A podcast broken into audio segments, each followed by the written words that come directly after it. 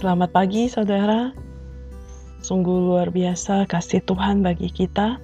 Hingga pagi hari ini, kita masih boleh dibangunkan oleh Tuhan dengan kekuatan yang baru dan kesehatan yang dari Tuhan. Kita akan memulai renungan Firman Tuhan pagi hari ini. Mari bersama-sama kita tundukkan kepala, kita berdoa. Kami bersyukur ya Tuhan pagi hari ini karena kemurahan-Mu kami boleh ada sebagaimana kami ada saat ini. Kami sama-sama datang rindu mendengarkan firman Tuhan. Mohon Tuhan yang menyertai kami dalam pembacaan firman Tuhan dan perenungan firman Tuhan. Tuhan bicaralah kepada kami. Demi Kristus Yesus kami sudah berdoa. Amin. Firman Tuhan pagi hari ini dari dua bagian. Yang pertama dari Injil Yohanes, yang kedua dari Kisah Para Rasul. Injil Yohanes pasalnya yang ke-14 ayat 23 hingga 29. Demikian firman Tuhan. Jawab Yesus, "Jika seorang mengasihi aku, ia akan menuruti firmanku, dan Bapakku akan mengasihi dia, dan kami akan datang kepadanya dan diam bersama-sama dengan dia. Barang siapa tidak mengasihi aku, ia tidak menuruti firmanku, dan firman yang kamu dengar itu bukanlah daripadaku, melainkan dari Bapa yang mengutus aku. Semuanya itu kukatakan kepadamu selagi aku berada bersama-sama dengan kamu. Tetapi penghibur yaitu roh kudus yang akan diutus oleh Bapa dalam namaku, Dialah yang akan mengajarkan segala sesuatu kepadamu dan akan mengingatkan kamu akan semua yang telah kukatakan kepadamu. Damai sejahtera kutinggalkan bagimu, damai sejahtera ku kuberikan kepadamu, dan apa yang kuberikan tidak seperti yang diberikan oleh dunia kepadamu. Janganlah gelisah dan gentar hatimu. Kamu telah mendengar bahwa aku telah berkata kepadamu, Aku pergi, tetapi aku datang kembali kepadamu. Sekiranya kamu mengasihi aku, kamu tentu akan bersuka cita karena aku pergi kepada Bapakku, sebab Bapa lebih besar daripada aku. Dan sekarang juga aku mengatakannya kepadamu sebelum hal itu terjadi, supaya kamu percaya apabila hal itu terjadi. Bagian yang kedua dari kisah para rasul pasal 16 ayatnya yang ke-9 hingga 15. Demikian bunyi firman Tuhan. Pada malam harinya tampaklah oleh Paulus suatu penglihatan. Ada seorang Makedonia berdiri di situ dan berseru kepadanya, katanya, "Menyeberanglah kemari dan tolonglah kami." Setelah Paulus melihat penglihatan itu, segeralah kami mencari kesempatan untuk berangkat ke Makedonia karena dari penglihatan itu kami menarik kesimpulan bahwa Allah telah memanggil kami untuk memberitakan Injil kepada orang-orang di sana. Lalu kami bertolak dari Troas dan langsung berlayar ke Samotrake dan keesokan harinya tibalah kami di Neapolis. Dari situ kami ke Filipi, kota pertama di bagian Makedonia ini, suatu kota perantauan orang Roma. Di kota itu kami tinggal beberapa hari. Pada hari Sabat, kami keluar pintu gerbang kota.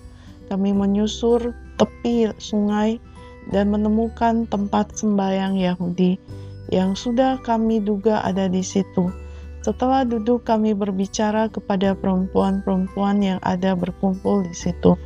Seorang dari perempuan-perempuan itu yang bernama Lydia turut mendengarkan. Ia seorang penjual kain ungu dari kota Tiatira yang beribadah kepada Allah. Tuhan membuka hatinya sehingga ia memperhatikan apa yang dikatakan oleh Paulus. Sesudah ia dibaptis bersama-sama dengan seisi rumahnya, ia mengajak kami katanya, "Jika kamu berpendapat bahwa aku sungguh-sungguh percaya kepada Tuhan, marilah menumpang di rumahku." Ia mendesak sampai kami menerimanya. Sampai sejauh demikian pembacaan firman Tuhan. Saudara, judul renungan pagi ini adalah ketaatan sebagai bentuk kasih. Saudara, ketaatan kepada firman Tuhan merupakan bentuk kasih kepada Yesus. Ketika Rasul Yohanes menuliskan Injilnya, umat Tuhan sedang mengalami pengucilan, dan disingkirkan dari keluarga, persekutuan umat, dan masyarakat. Di tengah kondisi itu, mereka yang memilih untuk tetap menuruti firman Tuhan Yesus mengalami kebaikan Allah, yaitu bahwa Allah menyertai kehidupan mereka. Ketaatan kepada tuntunan Allah melalui Roh Kudus merupakan bentuk kasih kepada sesama. Di tengah segala keterbatasannya, Paulus mendapat tuntunan dari Allah melalui Roh Kudus. Saudaraku, dalam kisah para rasul pasal 16, kita belajar dari Paulus yang begitu taat pada tuntunan Allah. Ia mempunyai kehendak dan keinginan untuk pergi ke Asia dan Bitinia. Kita belajar dari Paulus yang begitu taat pada tuntunan Allah ia punya kehendak dan keinginan untuk pergi ke Asia dan Bitinia. Namun ketika roh Allah melarangnya, ia patuh dan penuh ketaatan mengurungkan niatnya tersebut. Saudara, begitu juga saat melalui mimpi, Paulus dipanggil untuk pergi ke Makedonia. Ia mengerti bahwa Tuhan ingin ia ke sana.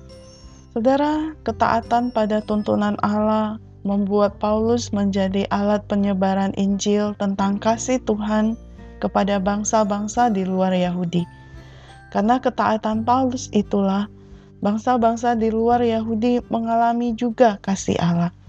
Saudara, mari kita mengingat kembali kasih Allah yang telah dinyatakan bagi setiap kita dan yang sudah kita alami.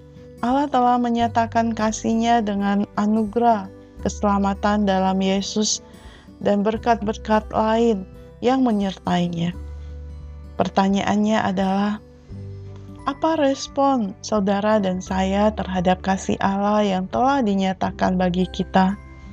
Apa bukti dari kasih kita kepada Allah? Sudahkah kita taat kepada Tuhan karena mengasihi Dia? Saudaraku, ingatlah kasih Allah menjadi alasan kita taat kepadanya. Saudaraku, kiranya hari ini Tuhan menolong kita untuk boleh menunjukkan kasih kepada Dia dengan mentaati Dia. Mari kita berdoa. Tuhan, kami mengasihi Engkau karena Engkau telah mengasihi kami. Tolonglah kami supaya dapat menunjukkan kasih kami kepada Tuhan melalui ketaatan kami Berilah kesempatan kepada kami hari ini untuk menunjukkannya.